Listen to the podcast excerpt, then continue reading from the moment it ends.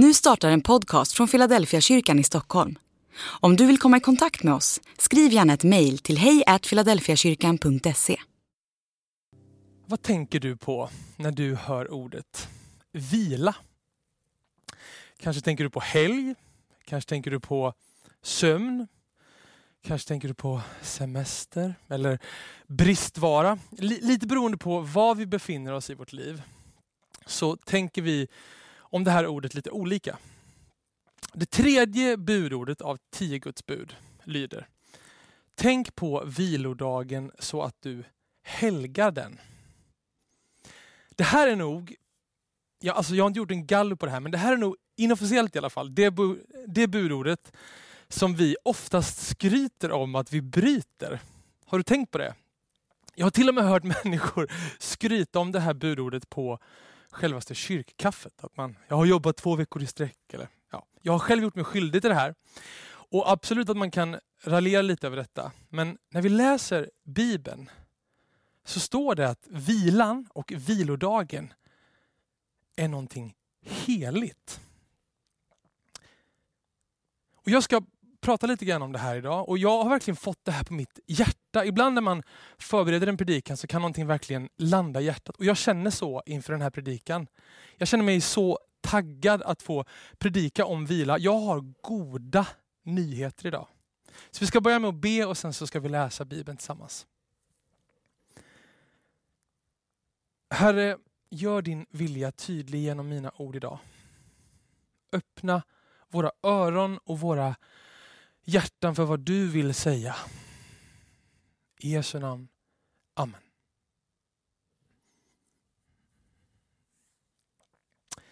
Vi är, nu, vi är inne i en nio veckors serie som handlar om Markus. Det finns serier och sen finns det serier. Det här är en nio veckors serie om Markus. Och dagens text är ifrån kapitel 2, verserna 23 till 28. Så här står det. En gång när det var sabbat gick Jesus och hans lärjungar genom några sädesfält och medan de gick ryckte hans lärjungar av ax. Fariseerna sa då till Jesus, varför gör de sådär? Det där är ju inte tillåtet på sabbaten. Jesus svarade dem, har ni aldrig läst vad David gjorde när han och hans män blev hungriga och inte hade något att äta? Han gick in i Guds hus, då var Evatar överstepräst och åt av skördebröden som bara prästerna får äta och delade med sig till de andra. Sedan sa Jesus till dem, sabbaten blev till för människans skull och inte människan för sabbatens skull. Därför är Människosonen också Herre över sabbaten. Som, som, som bakgrund till den här texten så behöver vi ha med oss ett par saker. Och Den viktigaste saken att ha med sig är att sabbaten, alltså vilodagen, det var det viktigaste förbundstecknet mellan Israels folk och Gud. Det fanns saker man kunde slarva lite med. Sabbaten var inte en av dem. Och eh, Man hade liksom börjat detaljreglera sabbaten. Och det var som ett sätt att skydda den, för man ville hålla sabbaten helig. Problemet var att sabbaten hade blivit någonting som den inte var tänkt att den skulle vara.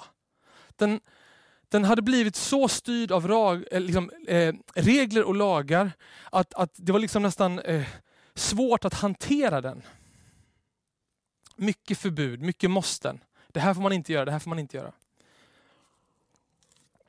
Och när Jesus blir konfronterad med att de har brutit mot sabbatsbudet så erkänner han ju rakt upp och ner. och så lyfter han en gammal historia där kung David bryter mot sabbaten. Han använder den här historien om kung David som, som ett vägledande mål eller som ett prejudikat. Och för dig och mig kanske det inte betyder så mycket. Men för fariseerna som kunde skriften. Alltså det Jesus gör är att han likställer sig med kung David. När kung David gjorde det här som Jesus berättar, så var han ännu inte tillträdd kung, men han var smord till kung av profeten Samuel. Saul var fortfarande kung, men David var likväl judarnas rättmätige kung. Och Jesus jämställer sig med David. Det han säger är att jag är en ny David, jag är judarnas rättmätige konung. Ännu inte bekräftad av folket och insatt i ämbete, men likväl judarnas rättmätige kung. Och det här är liksom chockerande för fariséerna. De blir tokiga. Jesus var ju väldigt bra på att göra fariséerna tokiga. Han säger också, han tar det till och med ett steg längre, han säger människosonen är herre över sabbaten. Och det ger honom rätt att hantera sabbaten på det här sättet. Och det han gör, om man har läst det här kapitlet, Markus kapitel 2, så är det att han för andra gången använder ordet människosonen. Och som jag sa, fariséerna har koll på skriften. Människosonen, det är ett ordval från Daniels bok kapitel 7, där det står att människosonen kommer på ett moln. Människosonen är Messias. Människor från alla folk och nationer ska tillbe människosonen. Alltså Jesus, de säger liksom, du har brutit mot sabbaten och Jesus säger, jag är Messias. Jag är Herre över sabbaten. Precis innan det här så har Jesus inte bara sagt att han är människosonen, han har också förlåtit en man för eh, hans synder och helat honom i hans kropp. Alltså han gör Guds business i hela det här kapitlet och fariséerna blir ju tokiga. Och det han säger också indirekt i den här texten när han säger att han är människosonen som är herre över sabbaten är att han säger jag är designen och skaparen av sabbaten. Jag var här när sabbaten inrättades i skapelsens begynnelse. Han säger också, hos mig som är herre över sabbaten finns sann vila. Det är det här som fariseerna hör. Och Sen säger Jesus något jätteintressant som leder mig mot dagens rubrik. Eh, dagens rubrik. Han säger sabbaten blev till för människans skull och inte människan för sabbatens skull. Det är som att han bjuder in till en ny väg. Där sabbaten inte består av massa, massa, massa regler. Utan där sabbaten liksom återfår sitt sanna syfte att bli till vila, återhämtning och någon typ av gudomlig visshet om att man själv inte har kontrollen. Han säger istället för att göra rätt saker, gör saker rätt. Och nu kommer jag fram till min första av mina två poänger. Poäng nummer ett. Under Jesu ledarskap och auktoritet finns sann vila. Jag inser, det här är inte den mest säljande punkten jag har haft. Jag som är 80-talist reagerar direkt under ledarskap, auktoritet. Det här känns inte helt fräscht. Men häng med mig de kommande minuterna för jag vill utveckla det här. För här finns en otrolig nyckel. Om Jesus är den han säger att han är och den han visar att han är genom hur han agerar. Gud själv, full av frid och nåd, barmhärtighet, kärlek, kraft, vishet. Om man är allt det här som han säger att han är, kan du då tänka dig en bättre ledare att följa? En bättre auktoritet i ditt eget liv? Alltså läser vi Bibeln, Romarbrevet men också, det finns många andra exempel, så blir det klart att antingen står vi under en auktoritet eller så står vi under en annan auktoritet. Jag tänker det själv, mina egna handlingar, mina egna tankar. Är de liksom födda ur mig själv, ur ett intet, ur ingenting? Eller är de en produkt av saker och ting som jag har tagit in, läst, sett, gett auktoritet på något sätt? Jag är helt övertygad om att det är så. Att vi står alltid under någon typ av auktoritet i vårt liv. Bob Dylan, som jag har lyssnat väldigt lite på. Han har skrivit en sång som heter Gotta serve somebody. Jag tror att vi har lite problem med auktoritet idag. Och Det är därför det skaver lite när jag säger att vi ska ställa oss under Jesu ledarskap och auktoritet. En, en vän till vår familj, som, han har varit polis i 40 år. Han har berättat att när han började sin tjänst för många år sedan så kunde han stå som en konstapel vid en avspärrning så här.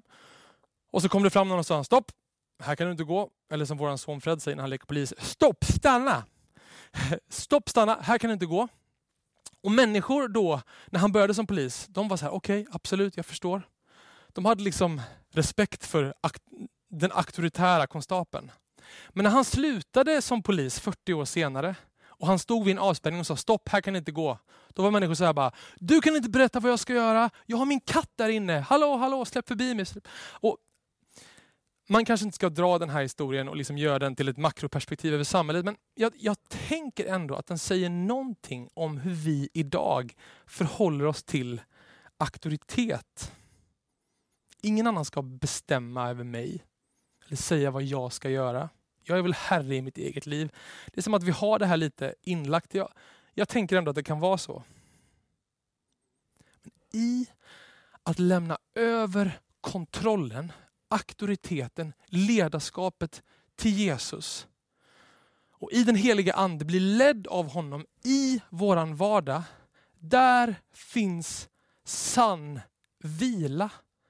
Och Det handlar om att vi lämnar över kontrollen. Du behöver inte segra själv.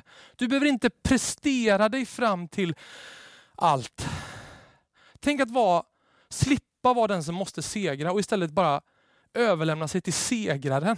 Kapitulera inför honom som redan har segrat. Här finns vila. Jesus säger i Matteus 11 och 28. Kom till mig, alla ni som arbetar och är tyngda av bördor, så ska jag ge er vila. Ta på er mitt ok och lär av mig, för jag är mild och ödmjuk i hjärtat. Då ska ni finna ro för era själar. För mitt ok är milt och min börda är lätt. Alltså att, att komma till Jesus, som han säger, kom till mig. Det handlar ju om överlåtelse, att, att vi får möjlighet att lämna över. Anledningen till att jag blir lite rörd är för att som ungdomspastor i den här kyrkan under fyra år så var det så många ungdomar som kom som var tyngda på olika sätt. De brottades med så mycket yttre press. Och så kommer de till Jesus och då är de oroliga för att det ska komma ytterligare press. Men när de fick uppleva det här att de fick lämna över saker så hände det någonting på deras insida de fick uppleva sann vila och det här är ett budskap till dig och mig idag. Det är en verklighet att vi kan under Jesu auktoritet och ledarskap få uppleva friden och vilan i att lämna över kontrollen. Min andra poäng, det var poäng nummer ett. Min andra poäng, den handlar om vad vilodagen vill berätta för oss och Det här är på ett sätt lite bortglömd kunskap idag. Problemet är inte arbetet. Alltså när vi läser Bibeln så finns Bibeln är full av arbete. Till och med i första Mosebok, i, i själva skapelseberättelsen, så, är, sen, så finns det arbete att utföra. Det är hur vi hanterar vilan som är problemet, som är utmaningen. Vi läser i första Mosebok om hur Gud han är kreativ, han skapar, han jobbar under sex dagar. På kvällen tar han ett steg tillbaka. Mm, det här är gott. Och sen så går han tillbaka nästa dag. Och så den sjunde dagen så inrättar han sabbaten, vilodagen. Och Den är helt central i skapelseberättelsen. Den är liksom själva crescendot i skapelseberättelsen. Värt att nämna också, och det här är en hel predikan i sig, men det är ju att, att själva dygnet verkar börja med kvällen. Det börjar inte med arbetet och dagsverket, utan det börjar med att det blev kväll och det blev morgon den tredje dagen. Men det är en annan predikan. Okej, men vad vill då sabbaten, vad vill vilodagen berätta för oss? Punkt nummer två.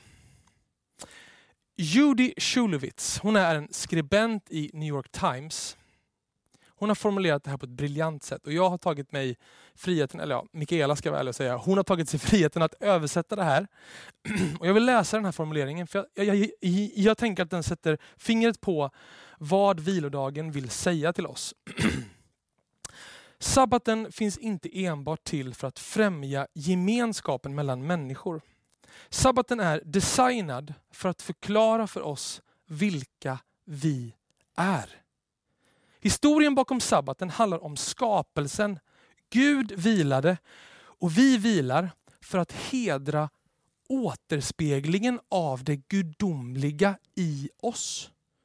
För att påminna oss om att vi är mer än vårt arbete. Hebreerbrevet kapitel 4, vers 9 säger så här. Alltså kvarstår en sabbatsvila för Guds folk.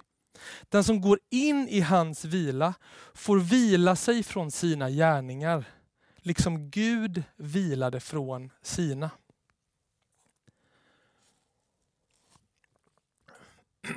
När du och jag, vecka efter vecka, efter vecka, efter vecka, efter vecka, tar en dag, hanterar den som att den är något dyrbart, någonting heligt, väljer att vila, så påminner vi oss och manifesterar över vårt eget liv att jag är en återspegling av Gud själv. Jag är Guds avbild. Jag är inte min prestation, jag är inte mitt arbete, jag är inte min utbrändhet, jag är inte mitt plugg, jag är inte mina brustna relationer. Jag är skapad till Guds avbild. Jag är Guds älskade son eller dotter.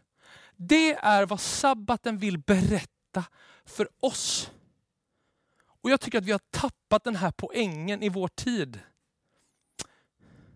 Och hur påverkar det här oss? Att vi har tappat det? Jo, jag tror att bristen på regelbunden vila, när arbete blir någonting gränslöst, gör att sanningen om vilka vi är, att vi är Guds älskade barn, att vi är Guds avspegling.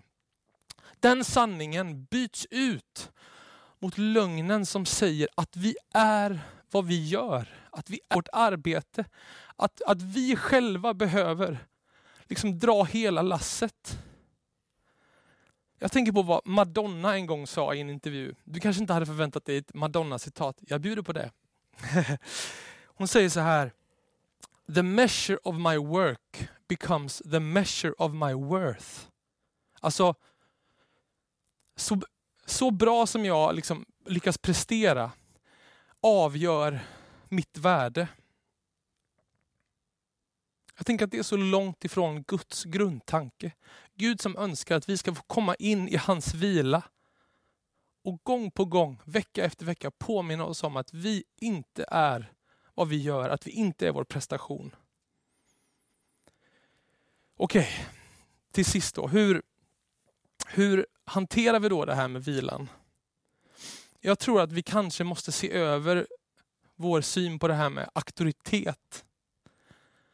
Och är det så att vi landar i att vi, att vi inte riktigt har lämnat över kontrollen och ledarskapet till Jesus så behöver vi dela med våra auktoritetsproblem.